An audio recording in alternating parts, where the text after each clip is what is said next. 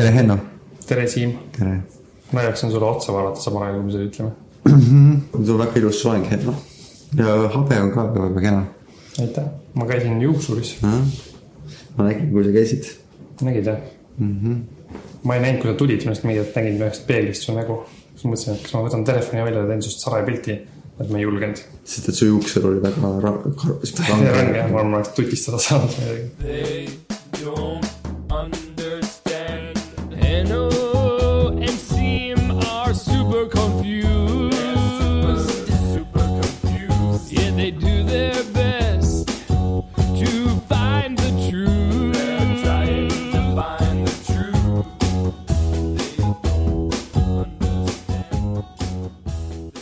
Viimati me olime koos juuksuris, kui me olime Kosovos kümme aastat tagasi praegu.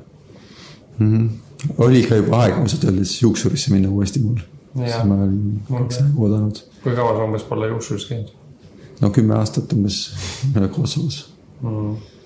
jaa, jaa, kas, kui sa seletasid, mis soengust sa oled, kas sul oli ka, mul on alati sihuke tunne, et pärast seda, kui ma olen seletanud, siis ma mõtlen, et ta vist mõtleb, et ma olen nagu suht imelik. Sest pärast, kui ma oma peas nagu tagasi käin, siis ma mõtlen, ma vist ütlesin midagi siukest. tahaks nagu külje lühemaks, aga ma tahaks nagu mitte väga lühikeseks ma ei tea, äkki sa otsad soovitada, kui lühikeseks ma peaks külje peal tegema ja, ja ma tahaks üldiselt mulle meeldib üle pea kammida, aga ma ei tea tegelikult. mul on ka ebaadekvaatne tunne alati, kui ma pean juuksurile seletama, mida ma tahan. ma ei tea täpselt, mida ma tahan ja täpselt samamoodi peab. sihuke, lõpuks on sihuke tunne, et ma jätsin endast rumala mulje, ebapädeva kliendi mulje. vähemalt mul on tänapäeval seda tunnet, mis mul, kui vanasti oli juuksuris tihti, et ma tahtsin midagi, siis ma sain hoopis teise asjaga, ma ei öelnud midagi hmm.. täna ma sain vähem okei okay asja. ja ma isegi ühe korra julgesin öelda, et veel lühemaks ja siis ta tegi lühemaks. see on vist vähe väheseid olukordi, kus sa pead kellelegi midagi seletama, kuidas Mm. sa tahad, et tehtaks. teed natuke, kui peab võileibasid laskma teha kuskil äh, Subway laadses kohas, siis on ka tüütu. aga siis vähemalt ei ole vist sellist tunnet, et sa oled ebaadekvaatne, et sa ei tea, millist vorsti sa tahad sinna maha saada. Kas sa tead, mis asi on urinaalkook? ma ei tea, või tähendab, okei okay,, tegelikult ma tean, aga ma ei täpselt ei tea, kuidas see seostub meie eelmise osaga. mida mm. ilmselt Martin teab, meie kauaaegne kuulaja Martin. ja ta jättis meile kommentaari, et ärge sööge urinaalkooke. jah, see on iseenesest see mõte on nagu hea, on ju ja mina, mina hea meelega võtaksin sellest kampaaniast osa ja sellest rongkäigust, kus seda ideed tutvustatakse laiemale avalikkusele, aga aga see ajastus on huvitav, see, millal ta seda soovitas ja kus. ma korra mõtlesin ka, et äkki ta pani lihtsalt valesse kohta selle, et tahtis panna kuskile fotograafide gruppi või midagi. me proovisime aru saada, mida see tähendab. me isegi vaatasime Urban Dictionary'st kõik erinevad definitsioonid on ju. üks seletas, et see on niisugune asi vetsupotis, mis, mida ma teadsin. üks nagu vi-, vihje oli see, et, et võib-olla mõned inimesed aeg-ajalt proovivad neid süüa aa, eriti kodutud oli ja kirjas. see oli kirjas kodutud ja vist oli ka kirjas, et nende, see, nende sisse pannakse siukseid aineid, mis teeksid nad nagu, et neil oleks ebameeldiv maitse, et inimesed ei sööks neid. Mm. et Nii see on äh, nagu huvitav nagu vastu, et lõhn on hea, maitse on halb Mm. see on nagu need äh, nõudepesumasina tabletid, välimus on isuäratav, maitse võib-olla surmav, see maitse on nii halb, et sa sured ära.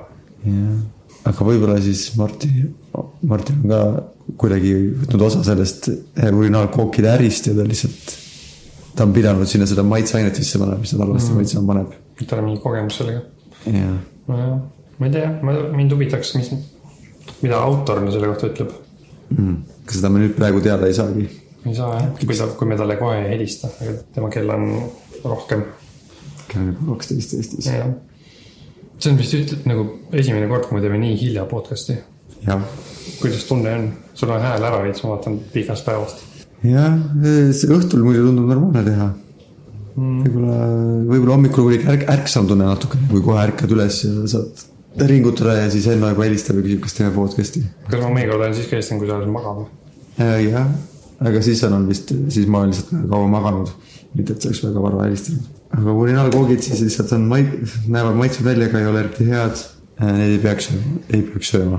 jah, võib-olla Martin tahtiski, et see jõuaks sinna, et me oma podcast'is ütleks nendele inimmassile, kes meid kuulavad, ärge sööge urinaalkooke. see ei ole seda väärt, nad on halva maitsega, nad näevad ainult välja ja ebahügieeniline ilmselgelt ka.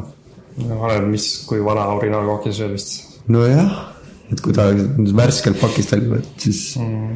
kui sa saad kuskilt värske originaalkoogi, ja kas viimasel ajal veel midagi huvitavat juhtunud ma ei ole nüüd viimase nädalaga üldse uudiseid jälginud, sest ma olen olnud sul külas. mm? -hmm.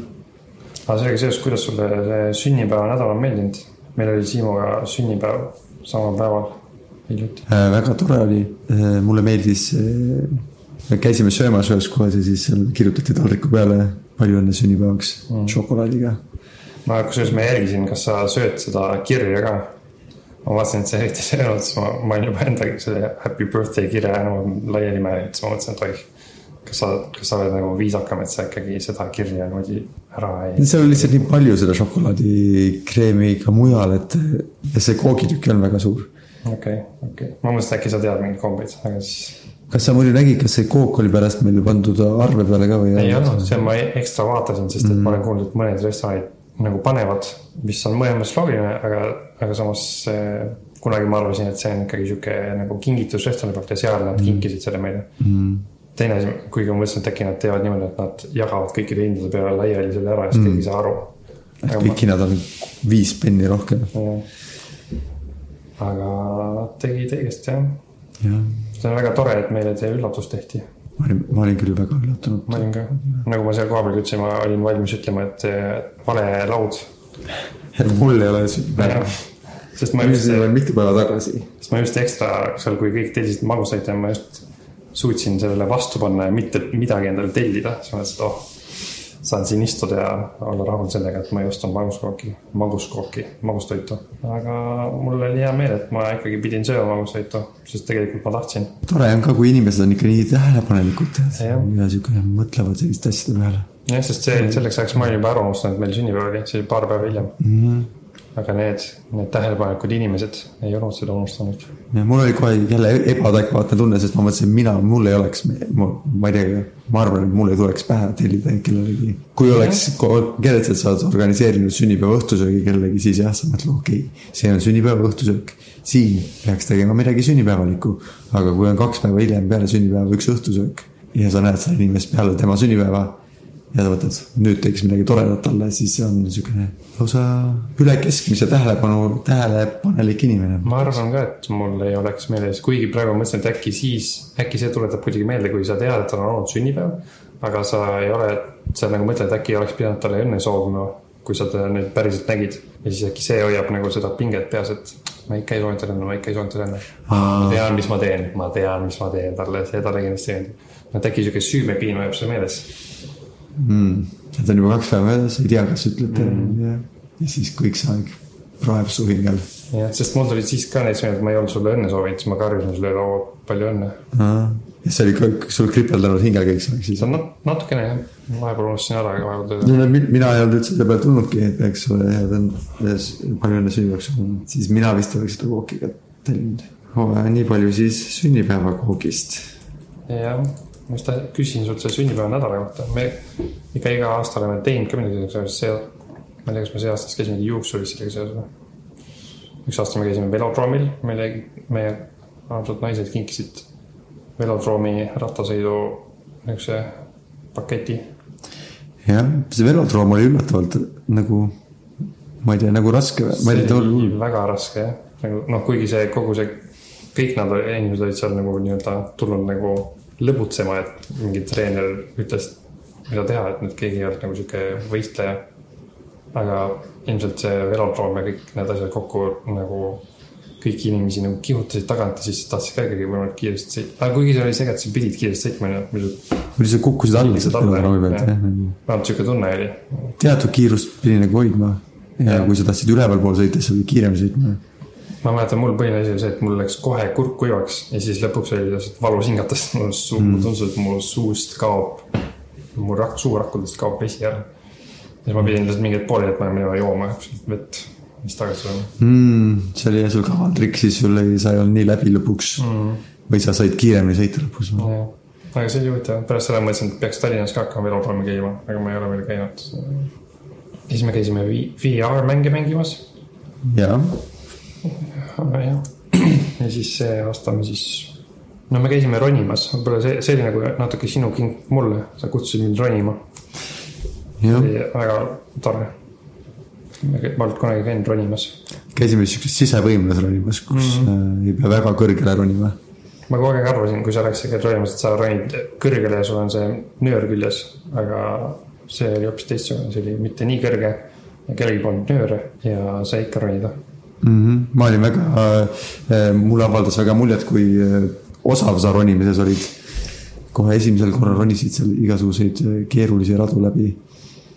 ma nagu vaatasin, mida sa teed ja siis mulle tundus, et tahaks ka neid proovida, mitte, ma ei tahtnud jääda sinna algaja, algajate äh, tasemele, see oli nagu siis see, kogu sein oli täis neid ronimis, ma ei tea, kuidas eesti keeles on, holds või, holds. Inglise keeles on küll, ma ei tea, kuidas, jah.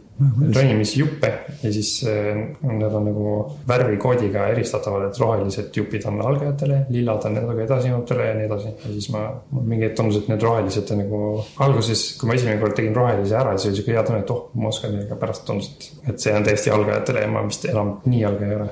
Ja ma läksin lillade peale üle. jah, ja siis sujuvalt veel edasi ja aga see oli nagu põnev, mulle meeldis eriti, lahedad on need äh, hästi suure kaldenurgaga kohad, kus vahepeal tulevad jalad lahti ja siis sa ripud seal nagu. nagu lae küljes põhimõtteliselt, nagu lae küljes jah, põhimõtteliselt. mööda lage edasi rikkuma mm. -hmm. Need on jah füüsiliselt päris intensiivsed mõnikord. ja siis, kui me vahetasime riid, siis sa võtsid selle abielusõrmuse ära. ja siis ma mõtlesin, et noh, suva ma ei võta. Ja siis mingi enam-vähem teine kord ma kuidagi libastusin ja siis mu vasaku käe pöidlaküüs jäi mu abielusõrmuse taha kinni, see oli veits valus. ma mõtlesin, et okei okay,, mul peab, kas ma pean küüned ära lõikama või siis abielusõrmuse ära võtma. kaks asja, ma pean, mille peale mõtlema. aga see oli põnev jah, ma, mulle meeldis küll seda see oli huvitav ka vaadata, kuidas sa ronisid mingist ajast üles, mis mulle tundus, noh, ma ei osanud seal midagi teha, ma nagu võtsin nendest esimesest asjadest kinni ja siis olin seal nagu maa ligi nagu kükis asendis rippus. ja siis umbes kaks minutit lihtsalt vaatasin paaniliselt ringi, et kui, mida ma nüüd teen siis ma ei osanud midagi. aga see on huvitav, siis ma aasta pärast äkki tulen ja oskan paremini. kord aastas on jah, kindlasti väga, siis sa, kui sa pensionile lähed, siis sa oled juba päris kõrge taseme saavutanud. ja, ronin juba nende valgete peale äkki. jah, ronimisi mulle, mulle meeldib tehniliselt nagu, ma ei ole väga tugev. Siis mulle meeldib just ronida siukseid, kus peab nagu vaatama ja mõtlema, kuidas saab kuidagi keha väänata või keerata, et saaks millestki kinni, millest muidu tundub raske kinni saada. mm. -hmm. see tundus lahe, sa ütlesid ka, et sulle, miks sa ronima hakkasid, sulle tundus see nagu sihuke spordiala mõttes huvitav. et kui jooksmine on mitte eriti huvitav, noh, mõned inimesed muidugi naudivad jooksmist aktiivselt. aga siis mulle tundus see põhjendus lahe, et noh, et see on nagu põnev asi, mida teha, muidugi igasugused meeskonnaspordid on vist ka kogu aeg põnevad, aga sa vist või noh, ma ei ole nagu meeskonnaspordi, ma ei tea, kas harrastaja või nagu see ei ole seni mulle kuidagi hästi sobinud, meeskonnasport. mulle tuleb, ma ei ole kunagi eriti hästi aru saanud, mida seal tegema peab. võib-olla ma ei ole jah sihuke nii hea tiimimängija või, et kui me mingi- mingit jalgpalli või korvpalli nooremana või keskkoolis või kuskil mängisime, siis noh, ma ei tea, võib-olla, ega mul ei tule hullult hästi need ka välja, aga võib-olla ma väga kohutavalt ka ei mänginud ilmtingimata, aga lihtsalt ma ei saanud täpselt aru, mida, mis on minu roll, nagu kuidagi ikka nii individuaalselt mängisin seda. Mm, aga see muidu kõrvalt arvates tundub, see just ongi, tundubki kõige lahedam meeskonnaspordis, et kuidas kõik inimesed, noh, kui õnnestub mingi asi, siis kõik olid hullult süngis, kõik teadsid, kuhu, kellele palli visata, kes võtab palli vastu ja siis pärast see, kes viskas palli teisele inimesele, jookseb õigesse kohta ja siis ta saab palli tagasi, et nagu see tundub nagu väga lahe.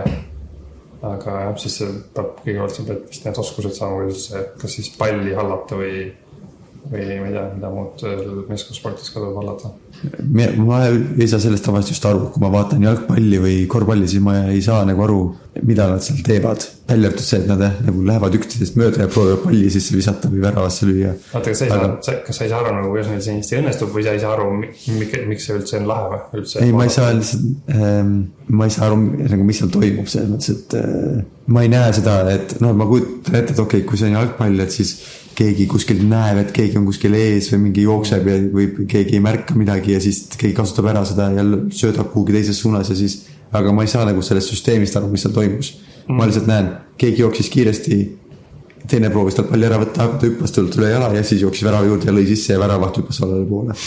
ma ei saa nagu aru, et mida nad seal oma meeskonnaga tegid, et seda kõike üles seada ja kuidas see nagu, kuidas see ilus, ma ei tea, meeskonnatöö seal selle viljani viis, ma ei, ma, ma ei, nagu ei näe seda sa ei näe seda ilu siis nagu.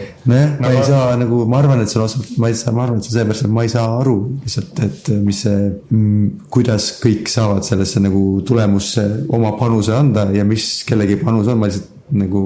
Ma ei saa sellest mängust piisavalt hästi aru ja ma lihtsalt eluaeg mänginud nii, et okei okay,, kui palju minu käes, ma proovin joosta nii kiiresti, kui ma jõuan ja kellestki jalgadest üle hüpata. ja no ma vist olen ka niimoodi mänginud, ma ei ole kunagi jõudnud selle tasemele, et ma olen saanud mingi hullult heasse sünki nagu oma nende meeskonnakaaslastega, aga noh, näiteks no jalgpalli on võib-olla jah keerulisem selles mõttes niimoodi näha. aga näiteks, kui sa kujutad ette korvpallimängu, seal on näiteks hunnik vastaseid ja siis ütleme kolm tüüpi, kes ründavad edukalt mm -hmm. niimoodi, et üks, kes on palliga, viskab eh, teisele mehele mingi maapõrkega eh, palli, nii et vastased ei saa seda kätte, siis ta viskab nii hästi. see tüüp saab palli kätte ja siis see tüüp, kes, siis ta viskab edasi näiteks kolmandale tüübile palli. vastased seal viivad kätega, ei saanud jälle kätte. ja siis see esimene tüüp tuleb korvi juurde ja siis see, kelle käes praegu pall on, viskab vastu korvi palli, see esimene tüüp läheb, aitab selle korvist sisse, no siis noh, sellest, siis sellest sa saad aru, kuidas nad et vaata, kuidas nad said takistustest niimoodi mööda niimoodi, et nad üksteist aitasid, nad poleks üksi No kunagi saanud mööda nagu. noh, siis see ju võiks tunduda, et oh, vau, nad tegid nii head koostööd. nojah, ma nüüd vist ei lihtsalt kui ma vaatan, võib-olla ma ei ole piisavalt palju vaadanud või ma ei ole piisavalt õiges eluetapis vaadanud, kus ma sihukestele asjadele oskaks tähelepanu pöörata. Kui sa praegu seletad, siis ma saan aru, et see kõlab nagu võiks, nagu eriti see viimasest osast ma saan veel nagu veel paremini aru, okei okay,, et no see on siuke klassikaline keegi viskab sinna korvi juurde, siis teine tüüp tuleb, aitab siis sisse. nojah. no ma igaks juhuks ütlen, et ma ei vaata peaaegu üldse sporti, ma just olen tähele pannud, mõnikord, kui ma olen näinud, siis mulle on tundunud nagu lahe, kuidas nad oskavad niimoodi üksteisega arvestada. Aga ma, noh, ma ei vaata sporti. aga see, kuidas me siia jõudsime, on see, et ma, noh, me mõlemad oleme meeskonnaspordis siis eh, võiks öelda kogenematud või halvad, et siis mul see üksiksportide seast, ma ei teagi, missuguseid nagu soo- soolosporte on veel olemas, mis on siuksed huvitavad. Et see ronimine täna mulle tundus, ta on päris huvitav just, et see on no ikkagi nat- natuke nagu mäng, sa pead vallutama ära mingi raja ja iga rada on oma tasemega. Ja sa, ja sa suhteliselt hästi näed, sa ühe päeva jooksul või ühe tunni jooksul võib-olla juba näed oma arengut, et see on vähe. mulle meeldis arengut, aga see vähemalt ühe raja raames sa näed arengut, kuidas sa enne tundega ei osanud, nüüd oskad. ja seda mulle, ka meeldib see, kui mul jääb üks päev ja täna ma ei saanud sellega hakkama. kui ma järgmine kord tagasi tulen, siis ma proovin uuesti. ja siis ma avastan midagi, et ahaa, et ma pidin, kui ma siit seisan siin teistmoodi, siis ma saan, ulatan sellest kinni võtta ja siis, aga võib-olla ma ikka ei jõua lõpuni ja järgmine kord tulen jälle tagasi ja siis on jälle natuke, alustan natuke kaugemalt ja okei okay,, kuidas ma nüüd sellest järgmisest keerulisest kohast mööda saan. siis see on jah, mis nagu, seal on, ta on korraga nii natuke nagu vaimupusle kui ka füüsiline et teinekord saab probleeme lahendada kahel viisil, et kas sa oled nagu tugev või sa mõtled selle läbi ja sa saad nagu korraga teha nii trenni kui ka nagu planeerida ja mõelda. Siis ma arvan, et võib-olla, et meeskonnasport ongi teine, kus oleks, on palju mõtlemist tõenäoliselt või sihukest. ma ei taha nüüd öelda, et kui sa oled jooksja või sõudja, et siis sa ei pea üldse mõtlema, aga seal ei ole ta kuidagi nii. ma arvan, seal rohkem nagu see, et sa, et see selle treeningrežiimi ja sihukese asja planeerimine võib ka huvitav olla. aga kui sa juba jooksed ja saad välja mõelda umbes, et kuidas, okei okay,, ma alustan sihukese kiirusega ja siis ma ei tea, kas seal, kes selles etapis tõstan kiirust nii palju või mingi, et siis sul on nagu see välja mõeldud ja siis sa ikkagi lihtsalt nagu teed seda ja ei, võib-olla ei muuda nii dünaamiliselt oma pla- plaani. no muidugi jah, eks samas mulle näiteks meeldib joostes, mulle meeldis väga, kui me elasime Nõmmel, siis metsas mööda metsaradasid joosta. ja ma arvan, see ka sellepärast äge, et see oli nii, et oo, nüüd ma jooksen kuskilt siit mingite puude vahelt ja see mingi rada siin siksakitab ja mingid juure, juurikatest peab üle hüppama ja sihuke, siis oli ka huvitavam.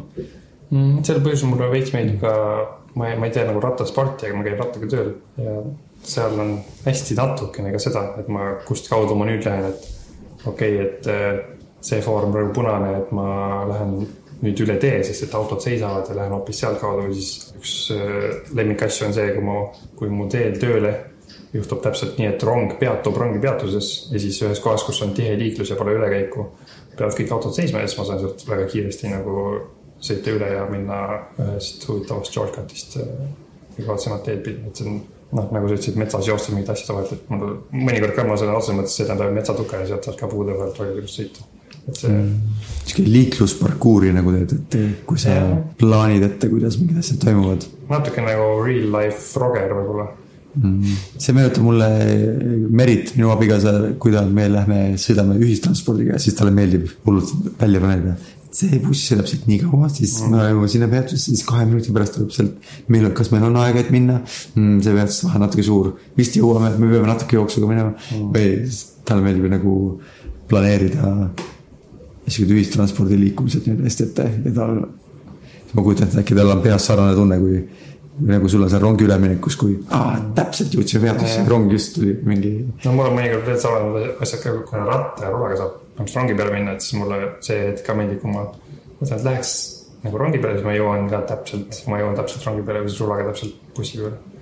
huvitav, kas see ei ole mingit, ma tean, et ta on nagu linna orienteerumine on ju, aga kas mingit sihuke, aga tavaliselt see ei ole ühistranspordiga seotud, huvitav, kas see võiks olla mingi sihuke ühistranspordiga integreeritud linna orienteerimisvõistlus mm. -hmm. põnev, et sa pead arvestama nagu noh, nende asjaga nagu Merit arvestab. ja, et kuidas kiiremini saaks. ei noh, tal võiks, ta võiks küll ja kohe sellisest võistlusest osa võtta, ma arvan. aga muidu ma siin võtsin ette selle eh, individuaalsete sportide listi ja siin ma nüüd saan aru, et tegelikult individuaalsed spordid on ka sellised kus sa võistled kellegi vastu nagu tennis ja mm. vehklemine ja siuksed asjad, et ja ma mäletan, kui ma käisin koolis ja mängisin lauatennist aeg-ajalt oma palju oskuslikema, oskuslikemate kursakaaslastega, siis tegelikult noh, mulle lauatennis tundus ka päris lahe, kui ma oskaks seda mängida.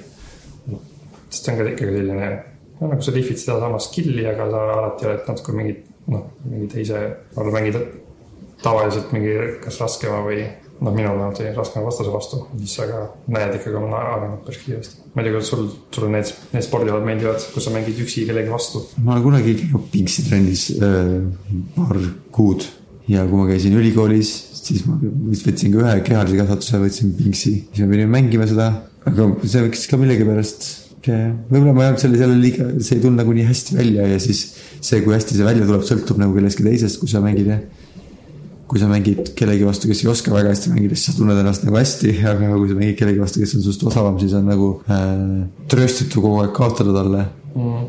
nojah, eks see on, noh, ta on ikkagi ka väga erinev sellest treenimisest, sest et äh, ta on nagu vähem nagu arvutimäng, kus sa pead mingeid asju lahendama.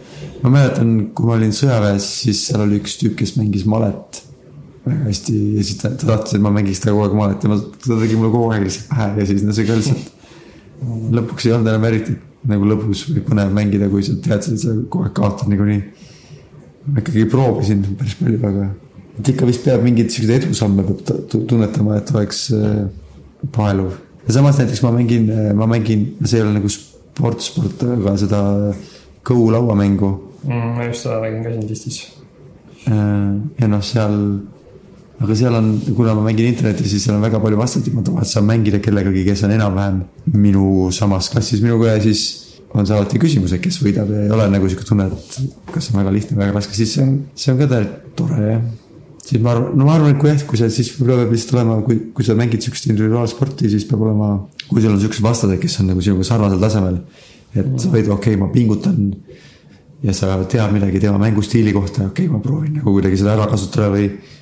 Ja kui tuleb välja, siis oled nagu õnnelik, siis mm.. see, ma praegu mõtlen, et see ronimine on selles mõttes hea, et no üldse vist siis äh, spordialad, kus sa otseselt kellegi vastu reaalajas ei mängi, et sa saad nagu oma, omas tempos teha seda. et seal ronimis saad ka lihtsalt seista ja mõelda, okei okay,, ma nüüd proovin. ja kui sa nagu fail'id, siis keegi ei sõltu sellest, see ei ole nii, et äh, see teine tüüp nüüd ei saa enam seda teha mm. -hmm.. selles mõttes on vist mugav jah, siukesed sotsiaalse, ebasotsiaalsele inimesele väga hästi sobib. mm. -hmm. kui ei ole palju ronijaid täna, täna mul oli ka siuke tunne, et noh, seal oli võrdlemisi palju inimesi. siis kõige esimene kord, kui ma veel ei olnud hakanud ronima, siis mul oli siuke tunne, et ma polnud seda kunagi teinud ja seal oli hästi palju inimesi, noh muidugi keegi ei vaata, et tõenäoliselt ei hinda seda, mida sa teed, aga natuke naljakas tundus, et okei okay,, ma olen siin kahekümne võõra inimesega ühes toas. Ja siis ma hakkan esimest korda tegema seda asja, mida justkui nad on teinud juba väga palju, siis lihtsalt võtan kuskilt nurkadest kinni hakkan lae poole ronima, et oli lihtsalt raske kirjeldada, aga see oli naljakas tunne.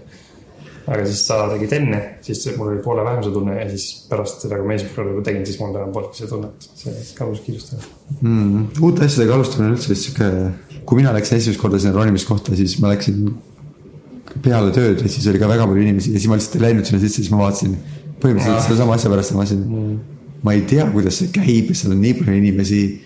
ja siis ma mingi, ma ei tea, kas seal on mingi süsteem, et peab kuskil järjekord, kui nagu mitu inimest tahavad sama asja teha, kuidas siis see käib, kas sa pead küsima kelle käest midagi, ma ei tahtnud nagu sihukest probleemi endale. siis ma läksin järgmine päev läksin vara hommikul enne tööd ja siis oli suht vähe inimesi, ma sain lihtsalt okei okay,. ma lähen siis, nüüd ma ei pea nagu veel lisaks sellele ma teen midagi täitsa uut, ma ei pea veel leiutama, kuidas see nagu kogukonna reeglid käivad seal mm.. Natuke sihuke kahju oli mõelda, mul tekkis pilt sinust, kuidas sa läksid nagu vihmase ilmaga sinna akna taha ja siis mõtlesid, et oh, ma lähen proovin ronida ja siis vaatasid sisse oh,. Oh, ma vist lähen parem minema. see õnneks ta on mul tee peal töölt koju või tööle, siis Mm. ei olnud mul suur ring, ma lihtsalt, sellepärast ma arvan, kui ma oleks pidanud kuhugi minema, eks ma siis oleks läinud ka mm.. aga see oli nii, ma tulin sealt töölt tagasi, mul olid nagu riided kotti valmis pandud, et, et saaks nagu sporti teha, siis vaatasin, ma ei hakka minema täna. Ja läksin rongi peale edasi. aga muidu jah, sa läksid näiteks järjekordadest, ma mäletan ka täna, me läksime kuskile, kus inimesed ronisid, mõned inimesed istusid maas. siis ma mõtlesin, et okei okay,, nad vist on järjekorras selle asja ju nagu nad vist ootavad siin järjekorras, kui nad saavad ka ronida, kuni see üks tüüp lõpetab täielikult oma ronimise, siis samal ajal, kui ma seda mõtlesin, et sa läksid kohe sinna ronima, siis mõtlesin, et okei okay,, tegelikult vist keegi ei oota jah, nad peavad olema nagu mingid pausid või. et veits hak- hakkasin nagu üle mõtlema, et mis reeglid siin on ja nii edasi, aga tegelikult sa lihtsalt roni, kui sa ei jää kellelegi ette, siis on kõik okei okay.. Ühe korra mind kutsuti korrale, et kuule, oota, üks tuleb siiasamasse, aga siis ei olnud, mingeid pingeid ei olnud, ta lihtsalt ütles mulle, et ära mine ma ka ei märganud, et sealt kõrvalt tuleb mm.. see ei olnud isegi vist, ma arvan, see oligi, see oli siuke naljakas, üsnagi sinu rada läks nagu otse üles, aga tema oma läks väga viltu sealt nagu risti üle, siis mm.. seda vist ongi raske märgata. muidu or- orienteerumisest rääkisime, ma olen mõelnud, et see võiks ka olla võib-olla sihuke asi, mis, millega mul oleks ebamugav tegeleda, sest seal sa kõik põhimõtteliselt teed üksi. Sul on enam-vähem suva ju, mida teised teevad. mm.. aga ma olen kuulnud, orienteerudes võib ära surra metsas. aa, ma ei teadnud seda. ma nüüd võib-olla ei ole nii huvitatud enam. tegelikult ega see vist ei ole, ma lihtsalt tean, et vist oli mingisugune õnnetu lugu. mõned aastad tagasi, kus kellelgi oli, kas ta vigastas ennast kuidagi ja siis orienteerudes. vist isegi, kas oli äkki kuskil võistlusel ja lihtsalt ta, keegi ei jõudnud talle appi ja, või ta ise ei jõudnud kuhugi tulla ja siis äh,. Aga orienteerumine tundub tore jah, et ma ei tahtnud teilt öelda- et ära orienteeruda, et see on eluohtlik. kuidas see orienteerumine käib, kas see on äh, tavaliselt vist nii, et sul nagu kaardi peal märgitud mingi kohad, kus sa pead käima? jah, vist on kaardi peal kohad, sul on kaart käes. käid mingi kontrollpunkti läbi või kuskil võsas on mingisugune, ma ei tea, kas peab mingi numbri panema kuhugi või midagi märkima ära, kuidagi tõestama, et sa oled üles leidnud selle punkt, punktikese, mis kuskil peidus on. ma olen äh, GPS-iga orienteerinud kunagi, aga ma ikka päris orienteerimist vist, ma ei tea, kas ma olen teinud. ma olen ka ühe korra, meil oli, kui ma töötasin veel oma, oma, oma endisel töökohal olin, siis me käisime mingitel suvepäevadel mingit vanade villistega metsas orienteerumas GPS-iga, see oli päris eh, noh, huvitav. aa jaa, seda ma olen vist ka teinud, et siis ma sa oled teinud sama asja kõlab väga sarnaselt, kuskil pidi nagu vist oli mingi metsakaart ja siuksed mingid autod. mm.? tahtsin natuke kinni jääda mõnikord ja ja tahtsid küll kinni jääda, vist siis sama koht. aga siis ma sain teada, et see GPS orienteerumise suur osa sellest on see, et GPS on väga ebatäpne ja siis sa pead eh, otsima nagu tükk aega seda punkti. lihtsalt mm, -hmm. lihtsalt nagu noh, sul ei ole mingit, aga seal vist on mingid kirjeldused ka, milline see punkt nagu on. jah, kaart, kaardi pealt võib-olla on isegi mõnikord paremini aru saada, äkki sa saad kuidagi aru, et sa leiad mingisugused need, mis see eesti keeles on, landmark'ide järgi saad aru. mm,. kui tees on mingi jõnks või mingi siukse asja järgi, siis kui GPS ei ütle sulle eriti midagi. mõtle, kas peab siis linnas orienteerumise siuke spordiala peab, kui ei ole olemas, peab. minu arust on olemas, ma olen isegi näinud mingeid uudislugusid sellest, kuidas Tallinnas on või noh, Ringvaates on olnud mingi lugu Tallinna linna orienteerimine. Siis peab lihtsalt osa võtma, jah peab Meritile soovitama. kui Tallinnas toimub, ehk toimub siin Londonis ka, siis ta saab. mm,. Londonis oleks päris põnev, vähemalt minu arust oleks põnev, jah, põnev. siin on erinevad ju transpordivahendid. kui sa tead, oh, siit ma saan minna selle jõepaadiga on kõige kiirem. keegi teine ei tule selle peale või võtad, või võtad jalgratta, ja metroo, bussi. kas taksoga vast ei või või? ma arvast ei või jah, see, see kõlab juba nagu see Amazing Grace, see on põhimõtteliselt orienteerumine, lihtsalt natuke Jah. seda orienteerimist on jah nagu mitte hirmus palju, aga natuke ikka on mm.. see on siis see telesaade, kus reisitakse ümber maailma, et võita miljon dollarit. ja käiakse erinevates riikides ja peab minema tavaliselt on vist igas osas on nagu paar kohta, kuhu peab minema mingis riigis ja siis peab seal mingeid ülesandeid täitma. Need ülesanded on tavaliselt suurem asi. aga vahel on vist küll et keegi võtab mingi, saab mingi, mõnikord on keegi selle vales suunas oma autoga ja siis on sihuke orienteerumiskaotus. jah, mitukümmend kilomeetrit sõitnud vales suunas. aga vahel on vist ka lihtsalt, et keegi saab taksojuhi, kes ei tea, kuhu ta sõidab ja siis on natuke kurb, kui nagu siukse asja pärast. no võib-olla, võib-olla see on ikkagi üks asi, mida peab siis tegema lihtsalt, et kui sa võtad siuksest võistlust osa, siis sa pead küsima taksojuhist, kas sa kindlasti tead, kuhu sa lähed ja kui sa ei tea, siis lähed taksost välja. muidugi see on takso. raske seda selgeks teha, kui see taksojuht ei räägi su keelt mm.. jess, jess, aga mis ma tahtsin öelda, ma siin kerisin veel seda listi äh,, individual sports listi ja siis sattusin mingi spordiotsa, mille nimi on whip fighting, piitsavõitlus. kas see on modernne sport või see on siuke, tundub, et see on mingi rituaal slaš sport, nii et ilmselt mitte väga modernne, tundub huvitav. EP tundub põnev, ma ei tea, kas siuke. Kas see on nagu vehklemine, aga mingi teistsugune või? ma arvan, et see ongi vehklemine, kas ei ole lihtsalt teine nimi või on mingid erinevad on sortid erinevad vehklemised? sorti nagu vehklemise need vahendid, mingi on sihuke vist ajaloolisem, äkki EP oli siis. oota, mõndadel on vist, ma ei tea nüüd, millest ma räägin, ma peaks, vaata järgi, mingi, mingitel ah,, äkki on see vahe, et kas on nagu jäik see mõõk. Mm, või on see painduv, äkki oli see vahe, ma ei oska öelda tegelikult. võib-olla küll, kui on väga palju mõõk, mõõk, siis ongi nagu peaaegu nagu äh, pits. vaatame, EP ah,, see on nagu äh, vehklemises on kolm erinevat seda, siin on kirjas äh, relva ja see on see kõige raskem, see on siis kõige äkki vanem. jah, stiffer blade, ehk see on kõige jäigem mõõk vist. okei okay., huvitav, kas see on siis, ma kujutaks ette, kui on väga pehme mõõk, et siis sa ei saa vaata otseselt nagu noh, nagu va- vanades filmides see.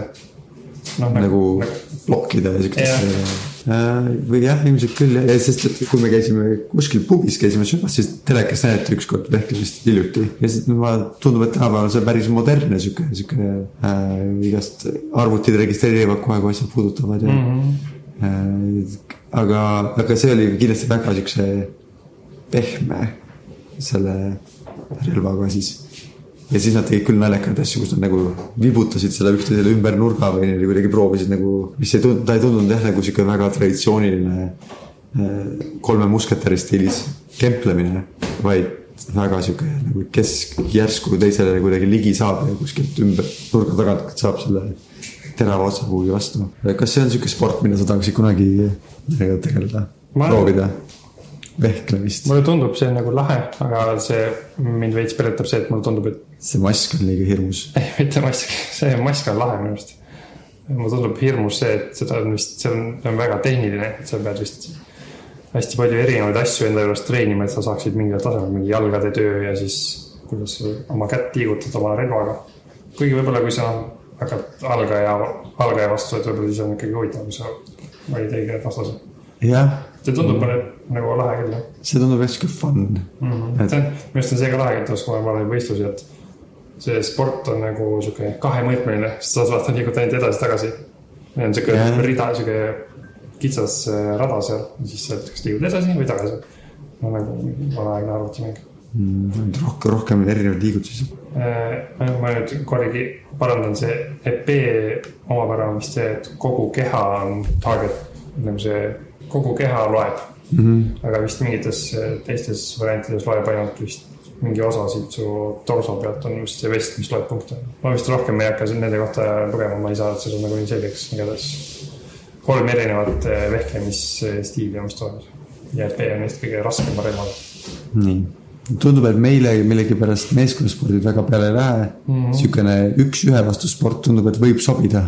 võib sobida jah, me saaks seda üksteise vastu teha, eriti hea Jah. iga-aastane sünnipäeva EP-turnament, iga-aastane sünnipäeva lauatennis virtuaalreaalsuse mingi turnament. ja ma mäletan virtuaalreaalsuses mängisid, meil oli seal, me vist sellest rääkisime natuke, aga see oli mingi majade vahel ringlendamise mäng, mille sa mulle haledalt pähe tegid ma tegin jah, ma ei tea, kas sul vist hakkas ebameeldiv või, sul hakkas äh,. seda vist ka jah, aga ma vist ei saanud aru, kuidas need relvad seal ka töötasid, ma ei saanud aru, kuidas neil vahetada või midagi. no mul oli väike eelis, sest kui mu vend tegi selle mängu, siis ma olin midagi, ma olin enam-vähem nagu selle mõttest juba teadlik. nagu ma teadsin, mis seal teha saab. mm. -hmm. aga see, selle võib ka olla, võtta sellesse võistluskavva. mm..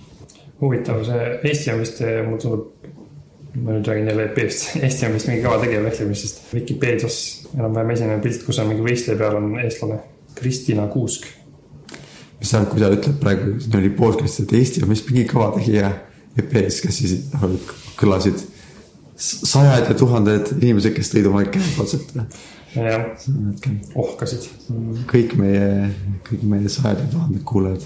teavad EP-st palju rohkem kui mina. ilmselt Martin teab EP-st palju. kes sellepärast, et ta lihtsalt tundub, et ta teab igasugustest asjadest suhteliselt palju või sa konkreetselt arvad. mulle tundub jah, sest et ta tihti loeb internetist midagi ja siis äh, ja mulle tundub, et ta teab äh, uudistest rohkem kui mina. ja siis ilmselt ta ka näeb spordiuudiseid rohkem kui mina ja võib-olla ta, ma ei tea, kas ta sportotsused huvitavad ja ta on palju, palju, ta on vanem kui mina, no palju vanem ikkagi, ma ei tea, kümme aastat vanem mina. on olnud aega selgeks saada, mis spordialadades Eesti tugev on. jah, jah. sa vist hakkasid juba mingist muust teemast rääkima, nüüd tulin tagasi B juurde, et meile saab, aa okei okay,, et me hakkame üksteise vastu võistlema, on ju. üksikvõistlustes. mõtlesin lihtsalt, kas on veel mingid liiki spordid, mille peale ei ole üldse mõelnud, kui meil on täna sihuke sportide teemal no arutamisel ma ise vahepeal mõtlesin, et mulle ju äh, sinu isa, kes on mu naaber Eestis äh,, kutsub mind suvel tihti purjelauaga sõitma, see on üsna, no see saab olla ka, no ta on ikkagi üksik sport, sa vist, noh, sa oled selle peal ju üksi. nojah, et kui sa, sa võid teha nagu võistelda nagu, kes kiiremini jõuab ja sihukest asja. aga ma, noh, sinna ma ilmselt ei jõua, et seni, seni on see minu jaoks olnud täiesti isoleeritud tegevus. no nii nagu jooks võib ka olla võistlus, eks ju, aga no põhimõtteliselt on ikkagi individuaalsport, mida sa lihtsalt võib-olla teed teiste inimeste. jah, et sul pole vaja teisi inimesi, et seda sporti teha jaa, mis, mida jalgpalli kohta eriti ei saa öelda, jalgpalli, kui sa tahad päris mängu mängida, siis sa ei saa. ja Aga ma arvan, et kõige kõrgemal tasemel võib-olla on nagu see jooksmisel on teised inimesed ka tähtsad. et oo, et ma võtan selle inimese sappa või mingi sihuke asi. aga see, kas sellest ainult siis, kui sa oled jah nagu tõeline professionaal, mitte nagu kui sa lihtsalt mingist ööjooksust osa võtad. jah, no ühesõnaga jah, tänu sinu isa kõrval elamisele ma olen äh, ka, see aasta ma ei käinud vist kordagi miskipärast äh, purjelaga sõitmas, aga muidu ma olen ikka iga aasta käinud mingi käputäis kordi ja ma olen selles enam-vähem selliseks saanud, et ma oskan seda juhtida ja ma oskan seal peal püsti seista. et see on päris äh, lahe, eriti kui on, tuul on õigelt poolt ja sa saad nagu päris suure kiiruse sisse, siis on siis see, siis see võib päris põnev olla. esimesed korrad see on väga igav, kui sa lähed esimest korda seda tegema, siis see näeb välja niimoodi, et sa tõmbad hästi suure vaevaga selle purje püsti ja siis kukud vette. Koos purjega. jah, ja siis ujud, siis üritad selle purje nagu õigele poole seal sakutada ja siis sa väsid nagu väga ära ja siis hakkad uuesti purje sealt veest välja tõmbama ja siis see juhtub uuesti. et see oli umbes esimene aasta, ma arvan, kui ma seda tegin, oli selline. siis teine aasta sa saad purje kätte Jah. ja saad sõita, aga siis sa pead ümber pöörama.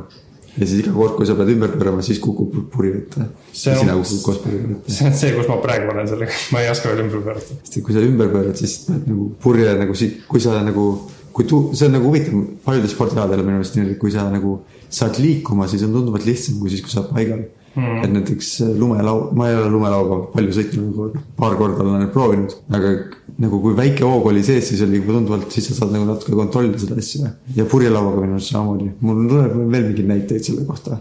rulabis ka näiteks, näiteks kui sa nagu aeglaselt ja kuidagi tee ei ole hea kvaliteediga või siis, siis on nagu raske nagu järsku jääb seisma või midagi sellist ja kukud maha. aga kui on väike hoog sees, siis ta nagu stabiilsem kõik see asi. ma alati jah, kui ma õpetan noori rulatajaid, siis ma ütlen neile, et, et äh, aegla, aeglaselt sõitmine on üsna ohtlik, sest et peamiselt sellepärast, et kui mingi kivi tuleb ette, siis aeglane hoog on, aeglase hooga sa tõenäoliselt takerdud selle kivi taha ja siis sa kukud ette, rula kukub taha ja siis saad haiget. mul on endal olnud mitu korda, ma olen sellest haiget saanud, ma sõin liiga aeglaselt ja siis mu kivi jääb ratta alla. et siis on kindlasti natuke suurem kiirus palju ootam. jalgrattasõit on päris sa- ja jalgrattased on väga näidanud., kui sa ei liigu, siis sa kukud pikali kui sa, kui sa oled väga osav, siis sa ei pea kukkuma pikali, aga jah, ma jah, ma, ma üldiselt arvestan seda, et kui ma jään foori taha, siis ma üritan jääda püsti. ja see oli ka üks asi, kui ma rattaga veel sõitsin äh, tööle, siis see oli ka üks mu nagu. See oli alati nii tore, ma jään foori taha, vaatan kaua ma saan, kas ma saan kogu selle aja seista või ma pean jalad maha panema. ja see on nagu sihuke jalgrattasõidu sisene mini challenge. siis ma alati mõtlen ka, et kas autojuhid, kes mu kõrval on, vaatavad, et mida ta teeb nagu ära, mida ära esine, pane lihtsalt jalg maha ja oota. nagu see väga hästi välja tuleb, siis ma arvan, et nad ei pane tähele, et ma see seisab.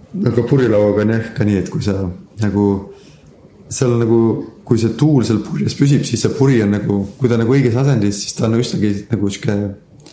Sa nagu hoiaksid lihtsalt mingist postist kinni ja sa nagu ta aitab sul püsti seista. et põhimõtteliselt see tuul hoiab seda purje, sikutab, sina sikutad purje tagasi.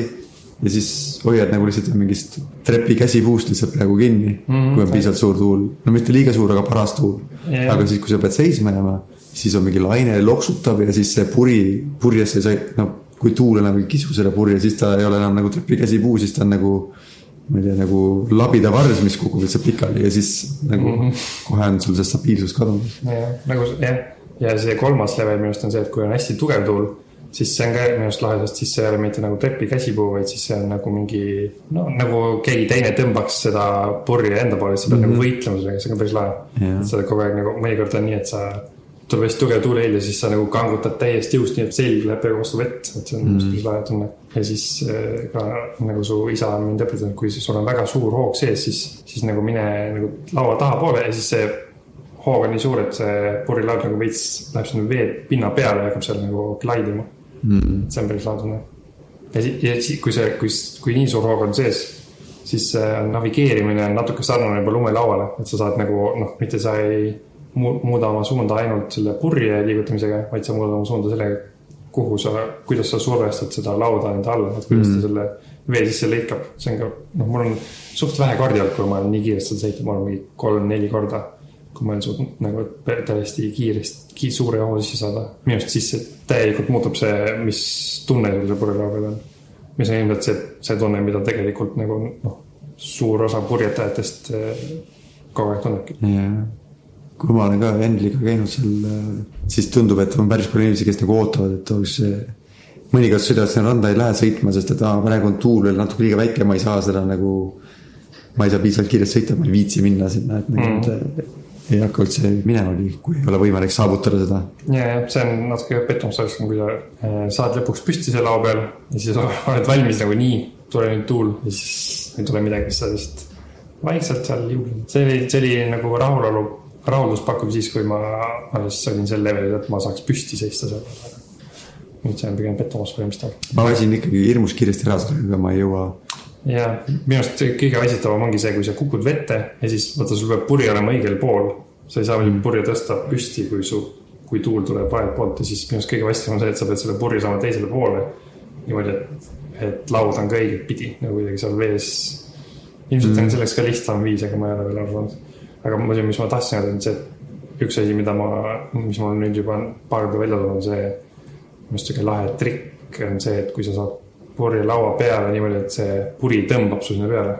sa oskad siukest asja ja ma ma olen vaadanud, kuidas endal seda teeb, siis ma paar korda olen proovinud. kui sa välja ei tule, siis on üsna koomiline, kuidas ta nagu oleks sinna peale minna ja kukun vette tagasi.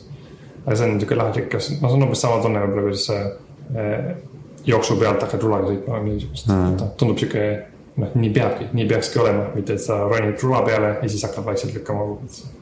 lihtsalt kohe sõidad, jah, et see on küll hea, et sa tõused, tõused sinna laua peale ja kohe on mingi suur hoog sees see on päris cool jah. mm. -hmm. kahjuks ma see aasta ei käinud jah. noh, iga aasta ühe korra käid, siis ka pensioniks oled nagu äh, äh, maailma tasemel purjelaudur. ma loodan jah, kümme tuhat tundi. muidu, kui me siin juba neid eh, nagu nimetame neid soolosporte, siis äh, diskgolf ja noh, golf, aga diskgolf on see, mida ma olen mänginud, see on ka mulle meeldinud. see on, noh, see on ka põhimõtteliselt soolo, sa saad seda koos teistega teha, aga sa ikkagi mängid nagu enda eest.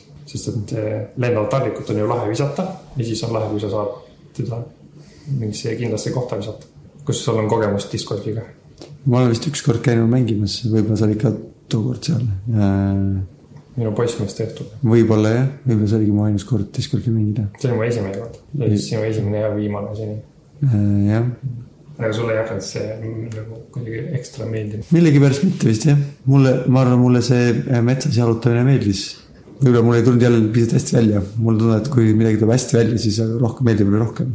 ma ei ole kunagi üldsegi hea olnud mingite asjade viskamises.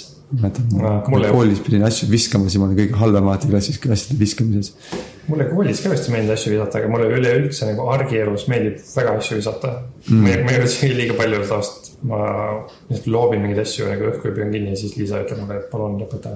ma kujutan ette ka, kes võib-olla keeb hinda, kui keegi lihtsalt loobib midagi kogu aeg. aga mulle, ma viskaks palju läbi asju, kui ma saaks. see käib vist nii, kui sa ei saa aru, miks keegi midagi teeb. nagu, kui keegi teeb midagi, mis on nagu ja sa ei saa aru, miks ta teeb, siis see on nagu kohe tüütu automaatselt. mm.. mul isegi suurem probleem on see, et ma hakkan näppudega nagu laua peal põristama niimoodi. niimoodi. ja see oleks okei okay,, kui sa saaksid aru võib-olla, ma arvan, et kui, mis, kui üks näpupõristaja näeb, et teine teeb seda, siis vist ei häiri, ma arvan, siis on see, ah, talle meeldib ka seda teha, mulle meeldib ka. ma ei ole kindel, sest et eh, võib-olla kui sa ise teed seda, siis su aju teab, et sa teed seda ja see ei häiri sind, sa noh, sa omad kontrolli selle üle. Aga samas, kui ma mäletan, kui ma käisin koolis ja üks tüüp oli sihuke, ta on muidu tore tüüp, aga ta, mõnikord ma tundsin nagu, et miks nagu kogu see tuba väriseb, siis ma pärast vaatasin, et ta, ta teeb nagu jalaga vaata niimoodi. noh, nagu põlv tõmbab üles-alla.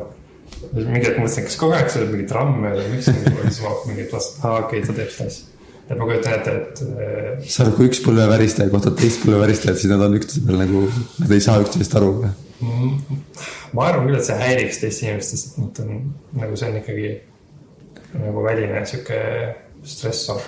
mina arvan, et sa ütled seda sellepärast, et sa ise ei ole põlveväristaja, sest ei saa aru sellest, kuidas see põlveväristamine on äh, nii rahulduspakkuv. ma ise olen mõelnud selle enda kanssa, noh, mõnikord ma teen nagu lihtsalt nagu suvaliselt nagu näppudega, nagu mõnikord ma hakkan mingit rütmi mängima, siis ma olen mõelnud, äkki mul on mingi, mingi sisemine vajadus äh, regulaarselt mingit äh, rütmipilli mängida, et äkki ma peaks käima trumme mängimas lihtsalt, et seda, et mul oleks väljund, aga ma ei tea. võib-olla siis ma hakkan veel rohkem tegema seda asja kodus Mm. ei oska öelda mis sa sõrmede nõksutamisest arvad? äh,. ei meeldi, aga kas sulle endale meeldib teha? mul ei ole kunagi seda nagu, mul ei ole seda oskust, mul ei ole seda, mitte oskust, vaid seda, mul, mu liig- liigestel ei ole seda valmidust. väga ei tule. sa ikka teed aeg-ajalt, jah? Mul mõni nõks tuleb meeldib. nii, sõrmede nõksutamine on niisugune ja, ja soolospordiala on ju, siis jalaväristamine, tegelikult me vist teeme discgolfi juurde. meile tehti hiljuti kodu nagu teel tööle, mul on discgolfi rada. see tundub sihuke ideaalne asi, et oh, hommikul enne tööd väike discgolf, aga ma ei ole, ma ei ole veel seda proovinud teha ja see, iga kord, kui ma lähen tööle, siis tundub, et ma peaks ikka kiiresti minema tööle, et ma saaks teha palju tööd, et ma ei tea, kuidas mu aju sellesse suhtuks, kui ma jääks seisma teist discgolfi, eriti kui ma, mulle tavaliselt meeldib nagu vaadata, et oh, kui kiiresti ma täna rattaga tööle jõuan aga kui ma jään poole tee peal seisma, siis, siis ma ei jõuagi tööle. aga discgolfi juures sulle meeldib siis see loopimine, on see, mis sulle mm,. seal tegelikult ei ole seda loopimist, ma olen nii palju söönud. No see on nagu pooleldi loopimine, pooleldi nagu sihuke, sihuke sihtimine. no mõnes mõttes jah, ikkagi võib-olla, et mis, et sa, pead saama mingi asja kuskile kaugesse kohta nagu täpselt sisse. aga discgolfi juures on minu arust see ka äge, et noh, kuidas eh, mis nurga sa diski viskad ja missuguse, kuidas ta võtab õhu alla, missuguse kurvi ta teeb, et kõike seda teoreetiliselt saab kontrollida, kui sa tead neid õigeid. kui sul, no põhimõtteliselt ma, kui sul see lihasmälu tekib, siis, et sa saad kontrollida seda, kuhu ta keerab, mõnikord nagu läheb hull täppi, et meil tihti on tehtud niimoodi, et see diskgolfi värav või post mm -hmm. on nagu mingite puude taga, nii et sa ei saagi sinna otse visata, et see on eriti rahulpakkuv, kui sa enam noh, ühe korraga said nagunii sisse, kui sa saad enam-vähem sinna õigesse kohta nagu õige kurviga, siis on eriti hea tunne.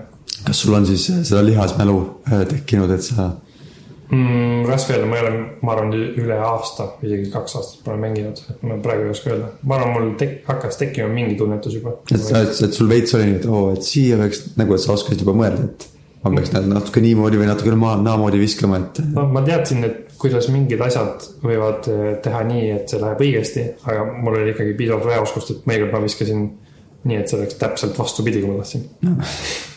selles mõttes mul väga hästi veel ei tulnud see. aga sa oskasid juba mõelda. ma teadsin, mis võimalused on olemas, ma teadsin, mis, mis mind ees ootab, kui ma harjutan. jah, mulle tundub, et üldiselt ka see tundub päris tähtis asi, et midagi meeldiks, on see, et sa nagu kuidagi, võib-olla see on nagu, see ei ole cheat imine, aga natuke sihuke tunne, kas see ei ole mitte cheat imine, kui sa kuidagi. oo, et ma mingi loen mingit raamatut või vaatan mingit Youtube'i videosid enne, kuidas midagi teha. peaks ikkagi ise harjutama, siis sa saad sellest täie mõnu ja saad selle kõik ise avastada nojah, samas kui noh, kui sa tahad mingi levelini jõuda, siis sa ju võtad treeneri, noh, see on ka juba cheat imine siis. no see jah, aga nagu jah, see, et mingisuguse sihuke teoreetiliselt või nagu, et et nagu teada, mis võimalused sul on või mida, mille peale sa peaksid mõtlema ja mida sa võiksid harjutada. vähemalt mulle meeldib spordi juures, ma arvan, meeldib see, et nagu lihvida oma oskusi, et sa tead, oo, et ma tahaksin seda paremini teha või teist paremini teha. siis on sul mingid asjad, mille üle nagu head meelt tunda, kui sa saad nagu, kui sul palju erinevaid asju, mida sa nagu proovid arendada, siis kui mõni neist paremini välja tuleb kui varem, siis sa saad nagu selle rõõmu tunda ja see on sihuke asi, mis, mis mind paneb sporti nagu uuesti tegema. ma tahaks seda, ma küll soovitaks, et kui sa hakkad mingit sporti tegema, siis oleks vist enne hea lugeda või vaadata mingit videot või nagu, kus keegi räägib sellest, kuidas sellest spordist mõelda ja see aitab küll minu arust jah, kui keegi räägib, ma pole muidugi oma sportidega seda tundnud, aga kui noh, mingites podcast'is või saadetes, kui keegi räägib mingi spordiala sihukesest nüanssidest või, või siis kõrge leveli spordiala intriigidest isegi, siis see nagu tõmbab küll veits lähemale. et kui sa, nojah, kui sa saad teada midagi huvitavat mingi spordiala kohta. võib-olla peaks hakkama vaikselt lõpetama. Shout-out'i peame kindlasti tegema mis shoutout'i me peame tegema. oma naistele Nad on väga head ja tublid. ja mu naine tegi mulle täna näiteks väga hea pannkoogi. sinu abiga muidugi, noh, sa tegid pannkoogi siis ta pani kokku sellist hea pannkoogi, väga ta tore. valis täidised. jah, ja see oli tõesti väga hea. oli aru saada, et ta on, ta on seda vähemalt seitse minutit teinud. meile võib kirjutada ja joonistada, kommentaare jätta Facebooki või mujale. ja seekord oli päris äh, tulus, päris hea kommentaar oli Sakk, meil oli kolm kommentaari. see on, see on nagu alati on üllatav ja tore kuulda, et esiteks kuulda, et üldse keegi kuulas meie podcast'i. Ma olen paar korda olnud ka siukest, kus ma olen saanud privaatse sõnumi. kuule, ma kuulasin selle podcast'i rääkis sellest asjast, et see oli lahe, nagu huvitav ja arvata, et aa, tema ka kuulab. ja siis on eriti hea, kui keegi veel ütleb, et see oli hea osa. On aga, aga võib öelda, kui ei olnud hea osa. ja võib küll, sest et ma kahtlustan küll, et meie osades on palju asju, mis ei ole nii head. ja tahaks need eemaldada, siis oleks veel parem. ja täita paremate asjadega.